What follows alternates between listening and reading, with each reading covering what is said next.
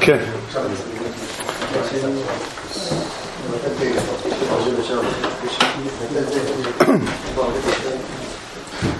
אה, עסקנו פה בסדר הדברים של, של מה שנקרא, שאנחנו קוראים קדושה. יש קדוש, אחר כך יש ברוך, ואחרי זה יש, בדרך כלל, זאת אומרת, אה, אנחנו אומרים אחר כך ימלוך. במקום אחד, בקדושת יוצר, אין שם, לא מדובר שם על מלוכה, וכנגד זה מופיע שם אה, שמע ישראל, איחוד השם. ואנחנו יודעים ששמע ישראל זה גם אחד הפסוקים שמזכירים במלכויות של ראש השנה. אה, זאת אומרת שגם זה קבלת, זאת אומרת, לא גם. זה הסדר הרגיל העיקרי של קבלת עול מלכות שמיים זה בפסוק שמע ישראל, השם אלוקינו, השם אחד. אה, אני רוצה קצת, יש בזה שני פנים, אני אתחיל בפן האחד, נראה אם נגיע היום או בפעם הבאה לפן השני. אבל הפן העיקרי של ייחוד השם ושל קבלת עול מלכות שמיים, שזה שני צדדים של אותו מטבע, זה באמת הפסוק, שמע ישראל, שהתורה סידרה לנו סדר של מצוות עשה מן התורה, לומר פעמיים ביום אה, קריאת שמע, ולקבל עול מלכות שמיים. אה, מה פירוש קבלת מלכות שמיים? אז אה, מוכח בגמרא, זה יותר מאשר מוכח בגמרא, זה גם, יש לזה הרבה מקומות, אבל בגמרא זה כתוב במפורש שקבלת מלכות שמיים נמצאת במילה אחד. לא בחמשת המילים הראשונות של הפסוק, אלא במילה אחד. כמובן, לא המילה אחד כשהיא לבדה, המילה אחד בהקשר הזה, אבל... אה, הפירוש של הדברים, זה, זה, לכאורה דבר של, אה, נראה לי שהזכרתי פה, ששלמה זלמן אוירבך אה, טען שחייבים להגיד שקבלת המלכות שמיים נמצאת במילה אלוקינו, כי, כי איפה, איפה יש בפסוק הזה קבלת המלכות שמיים? רק אלוקינו, הכוונה, אנחנו מקבלים אותו עלינו כאלוקים. אבל בגמרא כתוב שמעריכים באחד, והגמרא אומרת שלא צריך להעריך יותר מדי, אלא כיוון דאמליכתי, אה, על שמיים וארץ, ואני כך כתוב שם, שמיים וארץ יצא. זאת אומרת, אה, מבואר שם שהמילה אחד, זה ממליכים את השם במילה אחד, והכוונה היא פשוטה. הכוונה היא פשוטה, ויש פה באמת מבט מסוים על, על, על סוגיה של מלכות שמיים, אבל uh, זו סוגיה עיקרית והיא גם מצטרפת לסוגיות הקודמות שדיברנו על uh, קדושה וברכה. הפירוש, הוא, הפירוש של הדברים הבסיסי והפשוט הוא ככה, האדם באופן יסודי הוא נזקק. אין, אין, אין, אין מנוס מהדבר הזה. כל עוד האדם אה, תופס את זה כאין מנוס, אה, כבר זה מצב לא טוב. הטוב יותר שאדם יבין שזה המקום האמיתי והראוי והנכון בשבילו. אדם הוא נזקק. נזקק, אה, הנזקקות של האדם היא עמוקה מאוד. נתחיל מזה שאדם צריך אוכל, שזה פשוט וקל. פשוט וקל להבין ש, שהאוכל לא מגיע מהאוויר. האוויר אדם נזכר גם להעביר, אבל להעביר נמצא בקלות. אבל אוכל צריך לעבוד עליו. ברוך אתה אדינו אלוהינו, היום שהכל נהיה בדברו. את הכוס קפה הזה עשה יהודי יקר שטרח לעשות אותו. סתם דברים לא מגיעים, לא מגיעים. וכן, זה, זה, זה חלק מאוד מהותי במציאות של האדם. וה... ייחוד השם פירושו זה ההבנה המלאה שהשפע האמיתי, או מקור השפע היחידי, האמיתי והמלא, זה בורא העולם. זו האמונה הכי בסיסית, הכי פשוטה, וזאת מצוות ייחוד השם. וזאת מצוות ייחוד השם פירושו שהקדוש ברוך הוא, הוא היחידי הפועל, הוא היחידי שאפשר אה, לפנות אליו לבקש משהו, או בנוסח אחר זה העיקר החמישי מה... חמישה עיקרים של, מהי"ג עיקרים של הרמב"ם, העיקר החמישי, שלא לבדו ראוי להתפלל. הכוונה היא, רק ממנו אפשר לקבל שפע, וזה קבלת המלכות שמיים.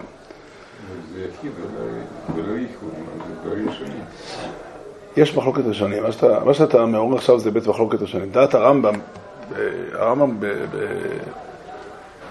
בספר משנה תורה, כותב ככה בהרחבה, שמצוות ייחוד השם היא הידיעה שהשם הוא אחד.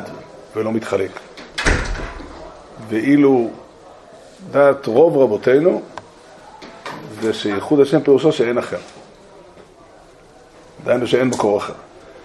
אה, לא חלילה הכרענו פה לא כמו הרמב"ם, אבל הדעה העיקרית המקובלת, הרווחת אצל רבותינו, זה זה. זה. כן, כן, שמע, הרמב"ם, הרמב"ם, אה, הרמב"ם כותב באיגרת תחיית המתים, ממש דרך אגב שם, זה לא הנושא שלו בכלל, אבל שם הוא דן בשאלה למה לא מוזכר תחיית המתים בתורה, או למה לא מוזכר תחיית המתים בתנ"ך בכלל הרבה פעמים, רק פעם אחת הוא כותב בכל התנ"ך זה מוזכר במפורש, בסוף ספר דניאל. אז הרמב"ם אומר, שזה לא יהיה רע בעיניך הדבר הזה, כי אפילו ייחוד השם הוזכר בכל התורה כולה רק פעם אחת. בפסוק שמע ישראל השם אלוקינו השם אחד.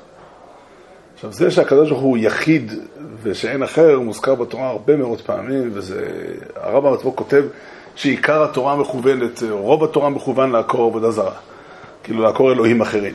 אז, לא, אז, אז הפירוש של הדברים של הרמב"ם הוא כזה, וכך גם כתוב בספר משנה תורה.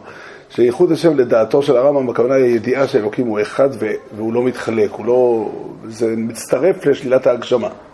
שהוא מציאות אחדותית, שלמה, בלתי נתפסת וכולי. אבל אה, דעת רוב רבותינו ככה ברש"י על החומש, ככה באופן כללי, אחד זה נקרא שאין אחר.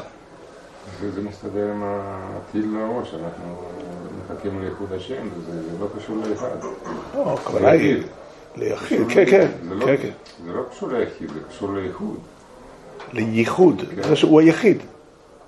היום בעולם הזה יש, רש"י ככה אומר, השם שהוא אלוקינו אתה, היום רק אנחנו מכירים בו כאלוקינו, אבל אומות העולם לא מכירים בו, לפחות אה, ככה הפסוק מדבר, ולעתיד לבוא הוא עתיד להיות אחד, דהיינו שכל העולם, שנאמר, אז זה יהפוך אל, אל עמים, אה, שפה ברורה, אני זוכר את זה, לקרוא כולם בשם השם. שהיום הזה אומות העולם קוראים בשם אלוהים אחרים, ו- ו- ולא קוראים בשמו, אבל עתיד לא, כולם ידעו, כמו הפסוק, ביום ההוא יהיה השם אחד ושמו אחד. הפשט הפשוט של הפסוק הזה, חז"ל דורשים אותו באופן אחר, על זה שאנחנו משתמשים, ב... היום לא משתמשים בשם הוואי, אבל הפשט הפשוט ביום יש שם אחד, עדיין שכל העולם כולו יכירו את שם השם. על הדבר הזה, ככה גם הרמח"ל בספר דעת תמונות מרחיב בזה מאוד, הדבר הזה שהוא אה, עתיד להתגלות לגמרי, נצטווינו אנחנו היום במצווה מיוחדת, וזה מעלתם של ישראל, הייחוד של עם ישראל הוא בדבר הזה, שהם קיבלו את הדבר הזה כתפקיד, כאבוידה, מה שנקרא. לקבל, לחיות בייחוד השם, דהיינו לדעת שכל הטוב שבעולם, הראוי לנו, ושאנחנו מעוניינים בו וחפצים בו, מגיע ממקור אחד. יש פה משהו דק ועדין, כי בדרך כלל אנשים מבינים שמלכות פירושו אה, סוג של שעבוד. סוג של ויתור על הטוב שלנו. ומאוד, בדרך כלל ככה אנשים מבינים. סיפרתי פעם שהיה לי פעם שיחה ארוכה ב- ב- עם אברך אחד בכניסת ראש השנה, כי הוא דיבר איתי בטלפון לפני שנכנס, אה, עד עשר דקות אחרי הצפצוף. והוא היה מוטרד מאוד בשאלה האם הוא צריך לקבל את מלכות השם, אבל הוא חושב שהוא ייהנה מזה שמלכותו יתברך תגדל, אז זה חסר במלכות שמיים. האמת לאמיתה שעיקר קבלת המלכות שמיים, ועיקר מלכות בכלל, זה ההבנה וההכרה שהטוב שלי תלוי בו. ואני נזקק אליו כדי לקבל את הטוב שלי.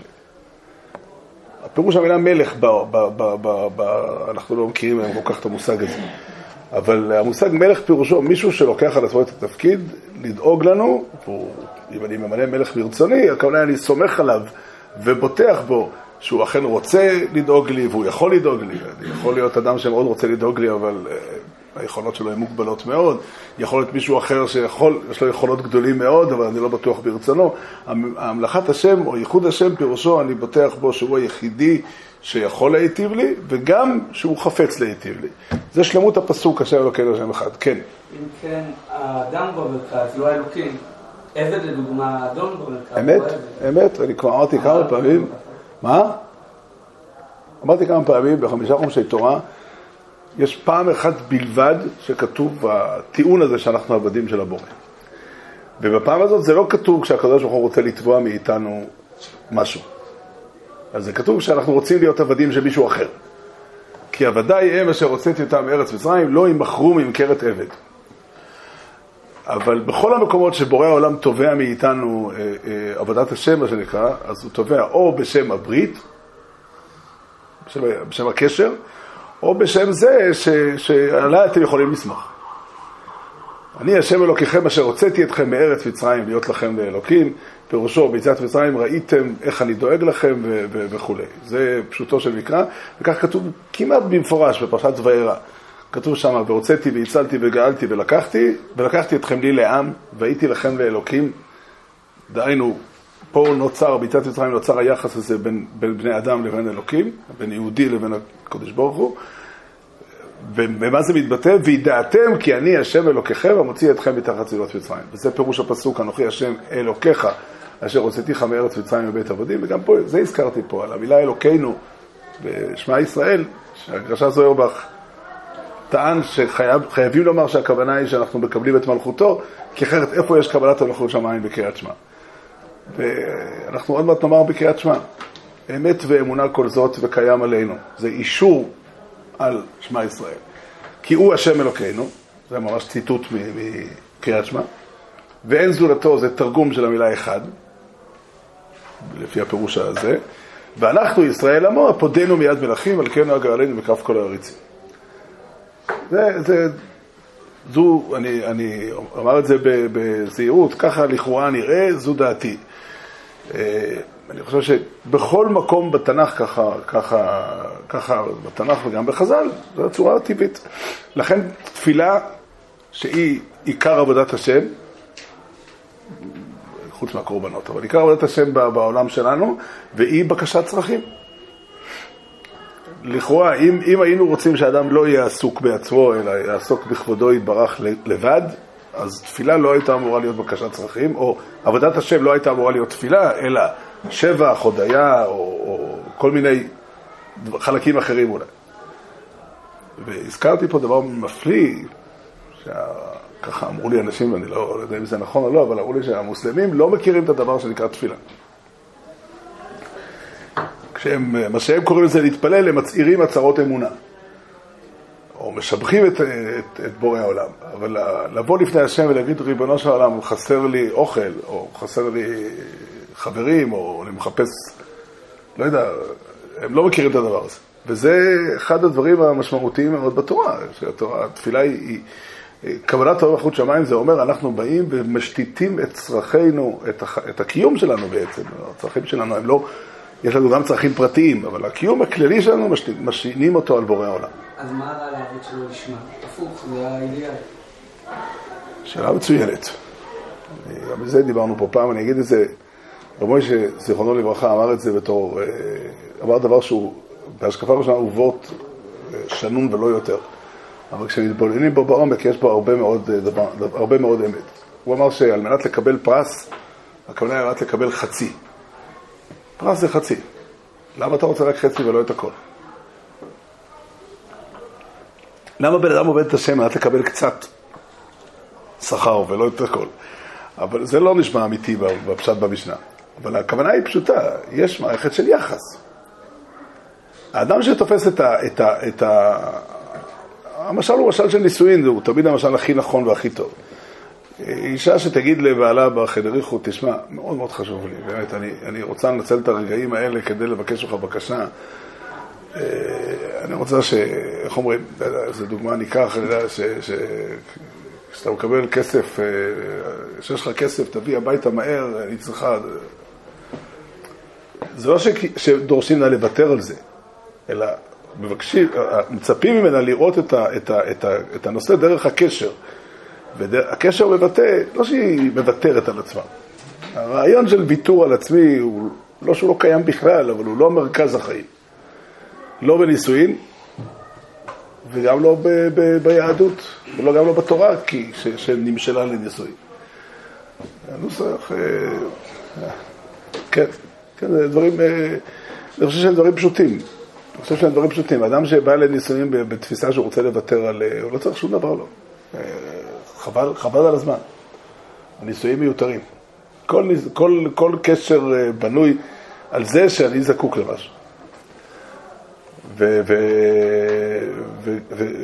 ועיקר ייחוד השם הוא זה. עכשיו, אני לא אומר שאין, גם בקשר של נישואים וגם בעבודת השם, יש פן שבו בן אדם אה, אומר, ב, ב, חוץ מזה שהוא עסוק ויודע וזקוק לקבל, והוא רוצה לקבל ואוהב לקבל, הוא גם מבין שיש צד שני, והצד השני גם, אם מותר להתבטא בעדינות, אה, יש לו, יש לו צרכים. זאת אומרת, כבודו יתברך צריך לגדול, לגדול, וזה גם מטרה שהיא קדושה בעיניי. אבל uh, אני לא חושב שקבלת המלכות שמיים עניינה ביטול של הצרכים, ותיקח את המושג מלך. למה ממנים מלך במדינה? תתאר לעצמך שעם מסוים, עם ישראל עצמו, בא לשמואל הנביא ואמר לו שהם רוצים מלך. למה הם רוצים מלך? אשר ילחם את מלחמותינו. יש לנו אויבים, יש לנו בעיות, המלך ידע לעשות את זה. כמובן, אין הכוונה היא שהמלך ינחם את מלחמותינו ואנחנו נשב בבית ולא נעשה כלום, אנחנו עוסקים, למנות אותו, לנהג את ענייננו זה לקבל עול מלכות שמיים, לשמוע בקולו, ללכת אחרי הדרך שהוא מורה. אה? זה לא קשר. ממנים מלך, ממנים... היחס האמיתי בין מלך, היחס האמיתי, ברור שקשר בין עם למלך שונה באופיו מקשר בין אדם פרטי לאדם אחר או לאלוקים. בזה שהקשר הוא כללי, מלך הוא לאומי, אבל היחס בין מלך לעם, האמיתי, הוא יחס של אהבה. המלך דואג לעם, למה הוא קם בבוקר ודואג לעם? אז תגידי, האמת הפשוטה היא שרוב המלכים בהיסטוריה לא דאגו לעם, זה נכון. אבל כשממנים מלך, לא מתכוונים למנות מלך שינצל את העם. אף עם לא מינה מלך כדי לעבוד אותו. מינו מלך כי נתנו בו אמון. עכשיו, האמון הוא שהוא יאהב את העם, ומאהבתו, וגם יש לו את היכולות המתאימים, הוא ידאג לעם ויפעל לתורתה. זה, זה, צורת, זה הפירוש המושג מלכות. אגואיסטי, תגיד את זה בעברית מודרנית. אני חושב ש... אה, אני חושב שזה נכון במובן מסוים, האגואיזם הוא תחילת כל דבר, הוא תחילת כל דבר, וההתעלמות מהאגואיזם הוא, הוא להשאיר את האגואיזם פרא. זה, זה, זה דבר אחד. דבר שני, אני, רוצה להרחיב בזה קצת. זה דורש שלושה שלבים, מה שנקרא, קבלת אורחות שמיים או הקבלה מהשם, דורשת שלושה שלבים, שבאופן עקרוני שייכים גם בקשר של נישואין. אבל uh, אנחנו מדברים פה על הנמשל ולא על המשל. קודם כל, יש באדם התנגדות עמוקה מאוד להיותו נזקק. כל אחד מאיתנו מכיר את זה מעצמו, ומי שלא שם לב את זה על עצמו יכול להסתכל על האחרים ואחר כך לחזור ולהסתכל על עצמו. אתה פוגש הרבה מאוד אנשים אומרים, לא, לא, לא, לא, הכל בסדר, אני מסתדר. הכל בסדר. והעמידה האמיתית של אדם שהוא באמת אין לו בשביל עצמו את צרכיו. הוא זקוק לקבל, הוא זקוק לקבל מבני אדם, הוא זקוק לקבל מקרובי משפחה, הוא זקוק לקבל מבורא העולם. וזה, בשפה של התורה, יש עמדה כזו שהאדם אומר לעצמו, כוחי ועוצם ידי עשו לי את החיל הזה. די לי בשביל עצמי, די לי את עצמי בשביל עצמי. וזה לא, לא דבר של מה בכך, זה, זה, זה עמדה אחרת לגמרי בחיים, שדורשת תמיד תמיד אה, עבודה. זה דורש, זה דורש תמיד מאמץ, נקרא לזה, להשתמש במילה הזאת. לא מאמץ במובן שזה קשה, אלא במובן שזה שינוי מה, מהאינטואיציה הראשונית שלנו. האינסטינקט הראשון שלנו, אם נשתמש במילה הזו, שאני לא יודע אם היא נכונה, הוא להגיד אני מסתדר לבד. וההכרה בזה שאני נזקק, והעמידה בנזקקותי כלפי בורא העולם, היא עבודה. דבר שני, אדם צריך לדעת שיש מי ש... אה, יש, יש מציאות של אדם שמרגיש נזקק, אבל הוא לא מבין למה לפנות דווקא לבורא עולם. זה בעומק, זה איסור עבודה זרה, וזה גם דורש עבודה גדולה. אנחנו מסתכלים בעולם ורואים המון המון המון אנשים, לאו דווקא, אבל המון המון גורמי כוח חזקים. אם זה מפלגות, אם זה תנועות, אם זה... כן, אתה רואה בן אדם שיש לו הרבה הרבה כסף. החוויה הפשוטה היא שהוא מסתדר עם החיים בקלות. שהוא מקור טוב לשפע. ופה יש פה זהירות כפולה, בגלל שאנחנו זקוקים לבני אדם ואנחנו לא, לא נצטווינו לא לקבל מבני אדם. הפוך, האדם הבריא יודע לפתוח את היד ולקבל מחברים שלו גם כן, חברים ובני משפחה. אבל ההכרה בזה שבורא העולם הוא מקור השפע היחידי השלם, וזה אומר שאני יכול לקבל ממישהו רק עד כמה ש... איך אומרים? עד כמה שהוא לא מתנגד ל- ל- ל- ל- לאמת, לצדק, ליושר ולתורה, היא ניסיון גדול. היא ניסיון גדול, זה מה שנקרא חנופה ב- ב- בשפה של, של הקדמונים. להתחלף לרשעים, בוא, לא- צריך אה, לקחת דוגמאות אה, קיצוניות, אתה יודע, להתחלף לרשעים, אה, אבל בכל חברה יש אנשים שהם בעלי כוח יחסית, עמדה ציבורית, עמדה, עמדה כספית. והאנשים האלה לא תמיד מייצגים את, הטוב ואת הישר, ולא תמיד, ולתת להם כוח, זה, זה, זה הדוגמה הכי חזקה זה פורים. מרדכי לא יכרע ולא ישתחווה. לא, לא בגלל שאסור להשתחוות לבני אדם, אלא כי המן ייצג במציאות שלו את הרוע, את הדרך, הדרך הלא טובה, ולהשתחוות לאדם רע זה אסור. זה אסור. זה ניסיון לא פשוט. נראה לי שיותר קל לפעמים להגיד, אני לא צריך כלום, אני דואג רק לכבוד שמיים, ואחר כך לבקש את צרכיי ולשלם עליהם במחיר של אה, שקר ועוד עבירות אחרות, מאשר אה, לבוא ולהגיד, אני זקוק ואני פונה לבורא עולם, ואני פונה גם לאנשים כשאני צריך, כשזה הדרך הנכונה והישרה, אבל אף פעם אני לא מכופף את האמת. מי שמכיר אנשים כאלה, יש אנשים בודדים כאלה שהם לא, הם אנשי אמת. זה, זה לא דבר קל בכלל. זה, יש בזה די מספיק בשביל לעבוד, אה, ב, בוא נגיד, אם השם ייתן לנו כמה מאות שנות חיים, יש לנו מספיק עבודה בתחום הזה. והדבר השלישי, שהוא לא פחות חשוב, הוא, הוא לא נפרד מהדברים הראשונים, זה לא רק להבין שאני נזקק, לא רק להבין שמקור השפע היחידי הוא בורא העולם, אלא לדעת שבורא העולם חפץ ורוצה לתת לי. וזה גם דבר, אה, כנגד זה עומד חטא המרגלים, שהם אמרו במילים הבלתי אפשריות, בשנאת השם אותנו הוציאנו בארץ מצרים. הזכרנו פה את החופץ חיים, החופץ חיים כותב בזה דברים נפלאים, וכדאי לכל כל יהודי לקרוא את החופץ חיים הזה, את המאמר הזה של החופץ חיים לפחות פעם, פעמיים בשנה. ומי שמחזיק משפחה גם להקריא את זה בבית, זה חובה גמורה ל- ל- לכל אחד לדעת את זה. אם היה לי כסף, אולי הייתי מדפיס את זה במאות אלפי עותקים, שיהיה לכל יהודי את זה. חופץ חיים נמצא בספר שמירת הלשון, חלק ב', פרק י"ט. שם זה נמצא, ושם הוא כותב בערך ככה, הוא מדבר על חטא המרגלים. הוא אומר שחטא המרגלים לא היה, הוא שואל את השאלה המתבקשת, איזה מין מילים נוראות ומוזרות אלה, בשנאת השם אותנו הוציאנו מארץ מצרים. איך זה עולה על דעת אדם כלשהו? מה היה חסר לקדוש ברוך הוא, רוצה לעשות להם רע, היה להשאיר אותם עבדים במצרים, לשעבד אותם עוד יותר. מה? אז הוא אומר דברים של, דברים נפלאים מאוד, הוא אומר שהמחשבה שלהם הייתה, זה שבאמת ודאי שהקדוש ברוך הוא רוצה רק להיטיב להם, אבל כדי לזכות להטבה האלוקית צריך להיות אה, בעל מדרגה גדול. מוישה רבנו יכול לזכות לזה. אנחנו, עם ישראל, בדרגה שלנו, מן הסתם לא נעמוד במלחמות, ובסופו של דבר זה יצא בשבילנו כישלון עצום. ו- ו- ו- וזה זה נקרא, כלפינו, כלפי אותם אנשים רגילים כמונו, זה לא, לא, לא עלינו נאמרה ההטבה הגדולה שהקדוש ברוך הוא מתכנן.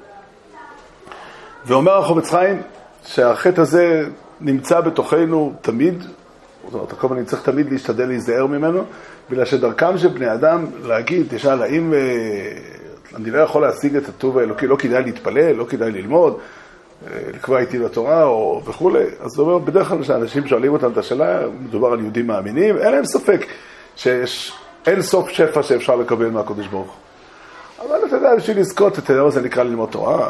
ללמוד תורה צריך ללמוד ברצינות, וצריך uh, כמה שעות טובות כל יום, ולחזור על...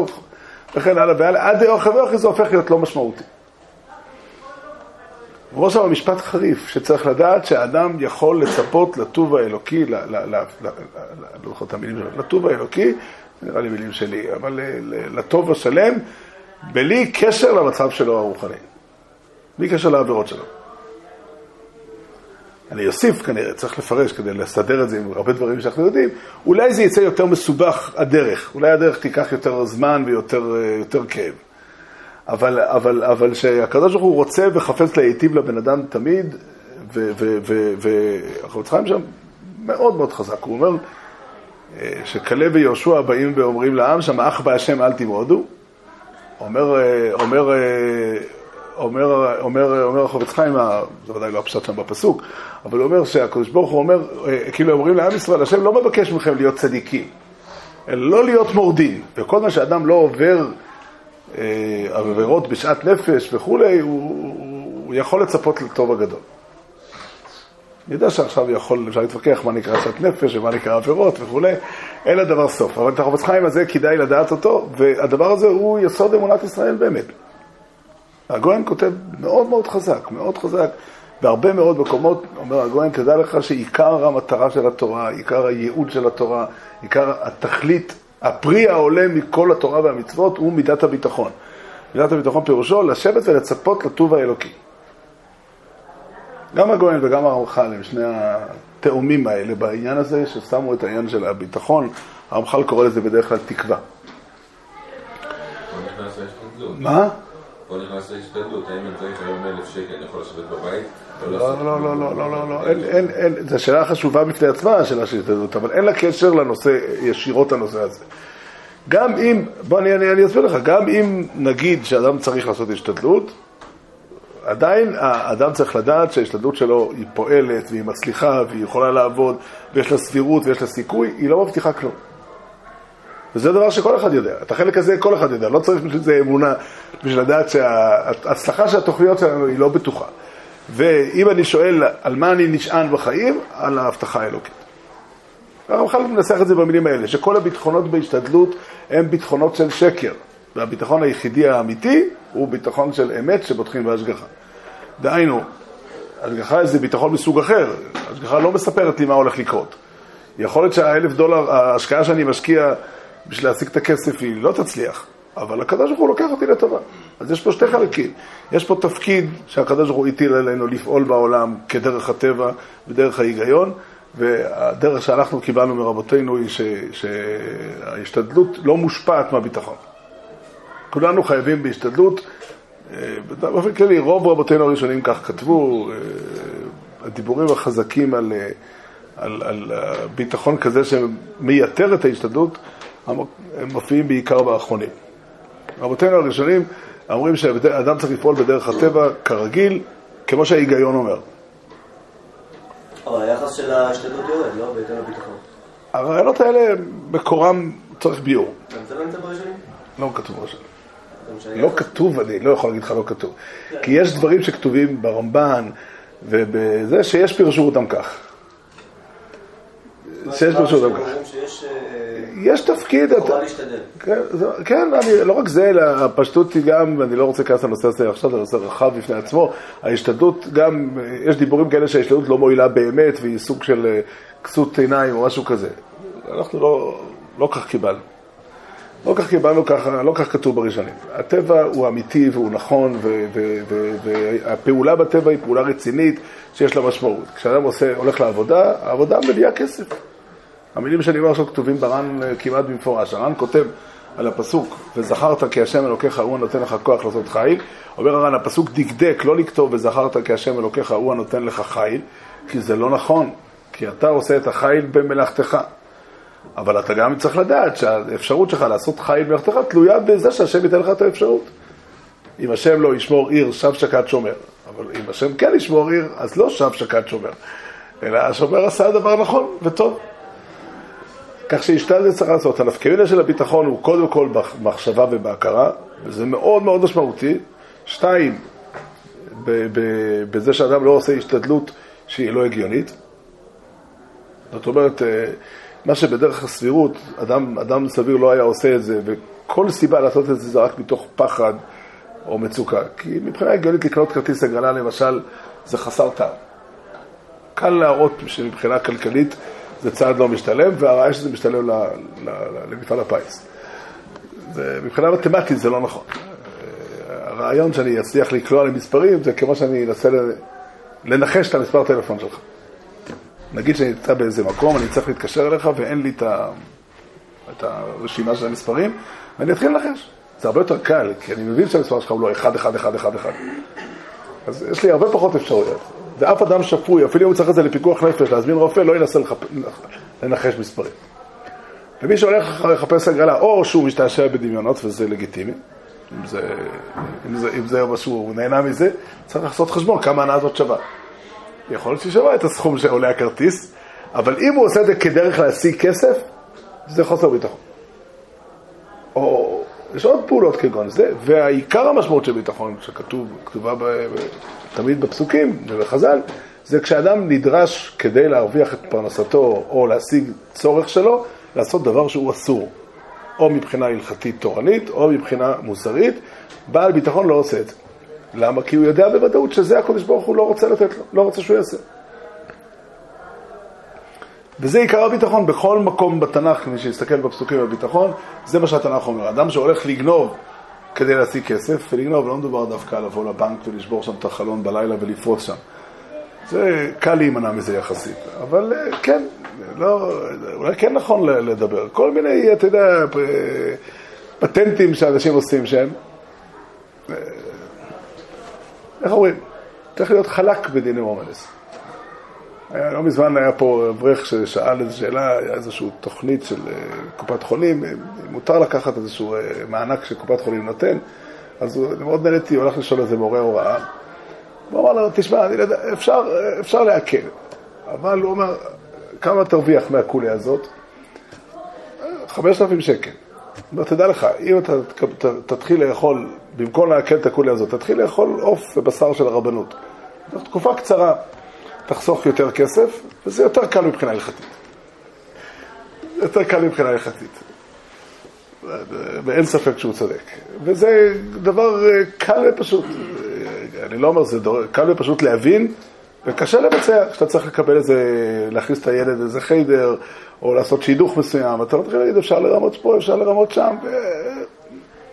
פה, פה מבחן של בן אדם. אני חושב שהמבחן הזה הוא הרבה יותר משמעותי מאשר המבחן להגיד, אני עוסק רק בכבוד שמיים ואני לא צריך להצמיק כלום. כי הרי בסופו של דבר אדם צריך. והוא צריך באמת.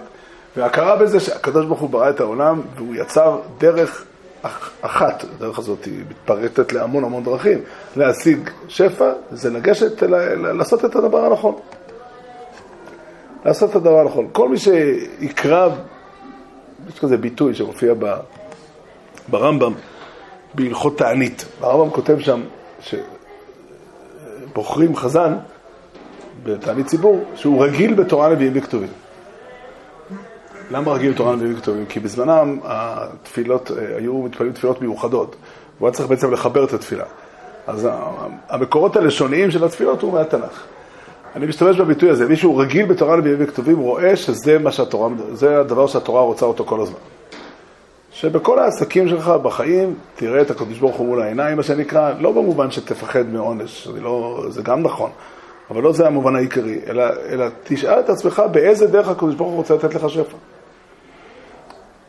האם הדרך הזאת היא הדרך הנכונה או לא נכונה? זה אדם פשוט, אה, זה, זה, זה, זה מה שנקרא ייחוד השם.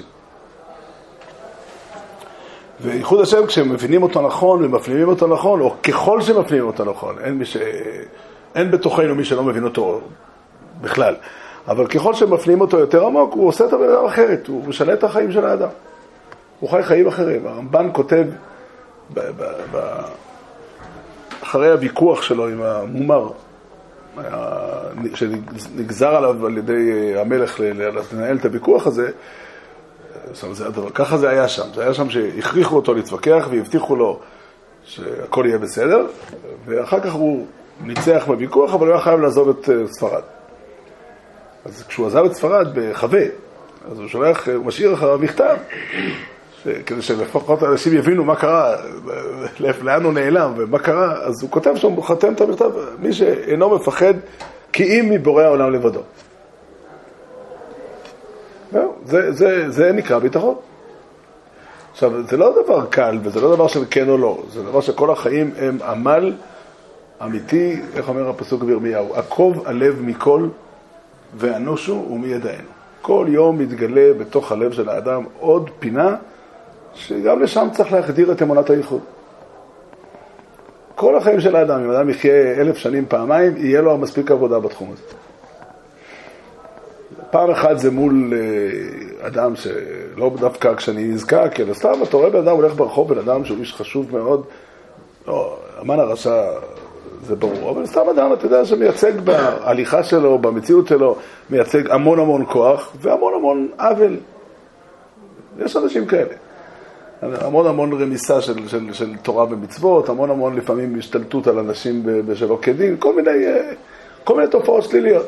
כתוב ברמב"ם גם בהלכות תענית, כתוב שבית הדין יושבים, כשיש תענית ציבור על הצהרות, אז בית הדין יושבים כל הבוקר בבית המדרש המרכזי, ויושבים ומתבוננים במעשה אנשי העיר, ורואים אם יש בהם אנשי זרוע ומשפילים אותם. אנשי חמאס ומפרישים אותם. זאת אומרת, כאילו, יש אנשים שעוברים עבירות, ויש אנשים שהם אנשי זרוע, בעלי כוח. ואדם שהוא בעל ביטחון בהשם, הוא לא מפחד מאף אחד. הוא לא יוצא למלחמה סתם, כשאין לו, לו צורך, זה לא התפקיד שלו, זה לא, לא מוטל עליו. אבל הוא לא, הוא יודע שהדרך להשיג את השפע של החיים שלו, זה על ידי דבקות בטוב. זה קבלת מלכות שמיים. ושוב, אני רוצה לצרף את הדברים לדברים שדיברנו בשבועות הקודמים. קדוש פירושו שיש שלמות. השלמות קיימת, השלמות, השלמות כמציאות אה, אינסופית, כמציאות שלמה. היא המציאותו של בורא העולם. וזה מקור הקודש. זה מקור הקודש. והשלמות במהותה היא יורדת כלפי מטה, היא, היא טבעה להשפיע. וזה מידת ברוך. מידת ברוך זה אומר שבורא העולם משפיע שפע. משפיע שפע לעולם. זאת אומרת, בקדושתו יתברך יוצא שפע לעולם כולו כל הזמן. הזכרנו פה את המילים שמופיעות בסידור התפילה. אה, המנחיל בקדושתו, לא, באתי המילים. איפה יש סידור? קראו את זה בברכת יוצר אור של שבת. זה להיות ביאור אה, באמת.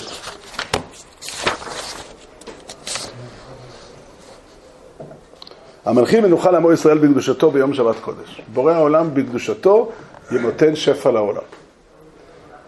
זה מידת קדושה. מידת קדושה היא מחייבת את זה שירד שפע לעולם. עכשיו, מידת ברוך יש בה שני צדדים. יש בה צד אחד שהיא, שהקדוש ברוך הוא נותן שפע, שהשפע יורד תמיד. ודבר שני, מידת ברוך מתרבה או מתברכת. השפע יורד יותר על ידי שאנחנו מקבלים את, מקבלים מלכות שמיים. על ידי שאנחנו דבקים בייחודו. זאת אומרת, זה שאנחנו מאמינים בייחוד השם ונדבקים בו יתברך, ככה אנחנו מורידים, גורמים לשפע שירד להיות יותר, שירד יותר הרבה שפע. זה, זה סדר הדברים. שלושת הדברים האלה, שלושת היסודות האלה, קדוש ברוך וימלוך, הם יסודות היהדות. הם יסודות היהדות. ככה, זה הצורה של התורה. הדבר הזה כתוב בקדמונים. אה, היה מי שכתב ספר שנקרא מעבר יבוק. הספר הזה עסוק בסדר ההסתלקות של האדם מן העולם. מהתחלת המחלה ועד אחרי, כל השלבים שאחרי המוות, לפי מקורות אה, חז"לים וכולי. הספר הזה נקרא מעבר יבוק על שם שהאדם בדרך עובר מייחוד, ברכה וקדושה. כמובן, שם הוא הולך מלמטה למעלה. כאילו, האדם שייך בעולם למציאות שכולה עבודה. הייחוד הוא כולו עבודה, הוא כולו תפקיד של האדם שמוטל עליו לעמוד תמיד בעמדה של ייחוד. אחרי שאדם עבר את השלב הזה, הוא מגיע למקום שבו מגיע השפע, זה ברכה, ושם יש מקום שאדם מגיע למקום של קדושה, למקום של שלמות שהיא לא, לא צריכה, ככה, ככה סדר הדברים. אבל אנחנו, ברוך השם, חיים פה ומקווים לחיות פה לאורך ימים ושנים. אז, אה, אז אה, אה, זה סדר הדברים שלנו. קודם כל, אנחנו מתחילים ואומרים שהמלאכים הם מדברים על קדושתו יתברך, אנחנו מצטרפים לזה, עיקר הדיבורים על קדושה הם לא שלנו, אלא של המלאכים. כביכול, אנחנו צריכים להכיר בזה שיש שלמות עליונה, גדולה, אינסופית, בלתי נתפסת, זה פירוש המילה קדוש. או יותר מדויק, שלמות מוחלטת. השלמות הזו, טבעה שהיא יורדת למטה. ולכן היא מעוררת את הזעקה הגדולה של איה מקום כבודו. איפה, איפה, איפה מגיעים לשפע הזה? והתשובה היא, ברוך כבוד השם במקומו. ברוך כבוד השם במקומו, פירושו שהשפע הזה יורד מלמעלה, יורד כל הזמן אלינו. כמובן, הוא יורד באופן מוגבל, הוא יורד באופן מסוים, אין בעולם הזה ביטוי לשלמות המוחלטת. אין לנו אחיזה אבל כל הזמן יורד שפע ואנחנו עסוקים בלהוריד את השפע הזה. ועיקר עבודתנו, איך להוריד את השפע, זה מה שנקרא ייחוד השם. ייחוד השם זה העמידה כמקבלים לפני השם. מי שרוצה יכול להסתכל איך הספרדים מזכירים את הפסוק, פותח את ידיך ומשביע לכל חי רצון. מתחיל לשתי הידיים ועומדים כך. זה המידה של יהודי. ככה, ככה צריך לעמוד. והעמידה הזו, לא רק שהיא עמידה נכונה, אלא היא מעוררת את השפע לרדת. היא מעוררת את השפע לרדת. התשובה לה, יש איזה ברוך או, ממקומו? שברוך במקומו. אם, אם היינו מניחים. אם היינו מניחים שקדושתו יתברך היא כזה סוג קדושה, שאין בה שום, היא קדושה שמסתדרת לעצמה ואין בה שום אה, נקודה של הטבה, אז המשפט ברוך כבוד השם במקומו לא היה נכון. כי, כי, כי, כי של- קדושתו יתברך הייתה נשארת למעלה. אבל כיוון ש... מה? לא לזה ביטוי של כבוד. כן, אבל כיוון שקדושתו יתברך היא נוטה ל- ל- ליצור יחס איתנו, זה, זה משהו שהוא מהותי, אז לכן השפע יורד למטה ו- ו- ומופיע בעולם. הוא מופיע בעולם בדרך השפע, דרך האוכל שיש לנו, הוא מופיע בעולם דרך החוכמה שיש לנו, דרך ה... הדגש על ברוך כבוד השם במקומו, לא שיש במקום שם במקור, ברוך.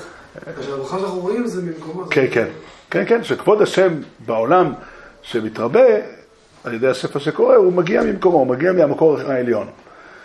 ו- וכל זה קורה על ידי שאנחנו מקבלים על עצמנו את ייחוד השם, או מלכות שמיים, שהם שני צדדים של אותו מטבע. אנחנו נרחיב בשבוע הבא בעזרת השם אה, בעניין של, בצד של המלכות של הדברים, אבל קבלת מלכות שמיים בעיקרה זה הדבר הזה, זה העמידה לפני השם וההבנה שבורא בורא העולם יתברך שמו הוא מקור השפע שלנו, לשם אנחנו פונים כדי להשלים את עצמנו. זה לא סותר שאנחנו צריכים לפעול בהרבה דרכים ולעסוק בהשתדלות וליצור קשר עם בני אדם ולשמור איתם על קשר ולקבל גם מהם. המבחן הוא שאני יכול לקבל מבני אדם כל עוד הקבלה מהם היא לא סותרת את הקבלה ממנו. את הקבלה ממנו. אם האנשים שנותנים לי הם אנשים שנותנים לי את זה ברצון טוב ובאהבה, אז אדרבה, למה לא? זה טוב ויפה. אבל אם האנשים שנותנים לי, נותנים לי את זה על מנת לחזק בזה עושי רשעה, או שכרוך בזה משהו לא מוסרי או לא נכון, שוודאי בורא העולם לא חפץ בו, פה נמצא המבחן. אני חושב שקל להבין שהמבחן הזה הוא מבחן רחב ומשמעותי, הוא לא... אה, זה לא מבחן שקורה פעמיים בשנה. מן הסתם אה, לבני אדם יש הרבה הרבה מקום בדבר הזה.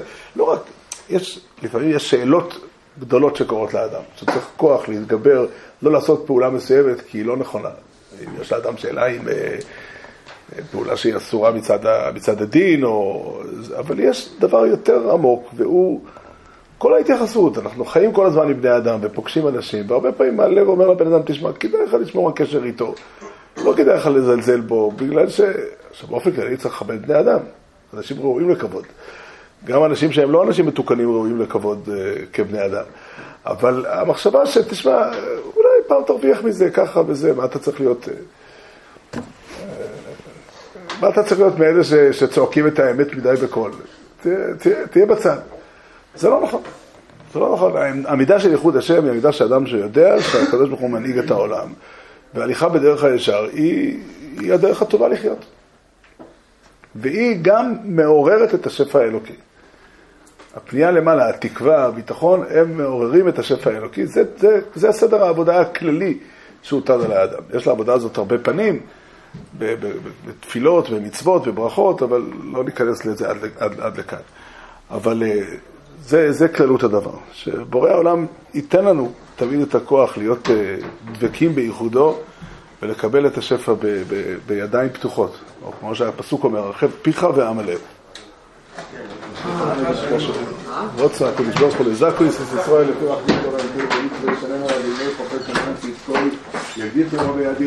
להתקדש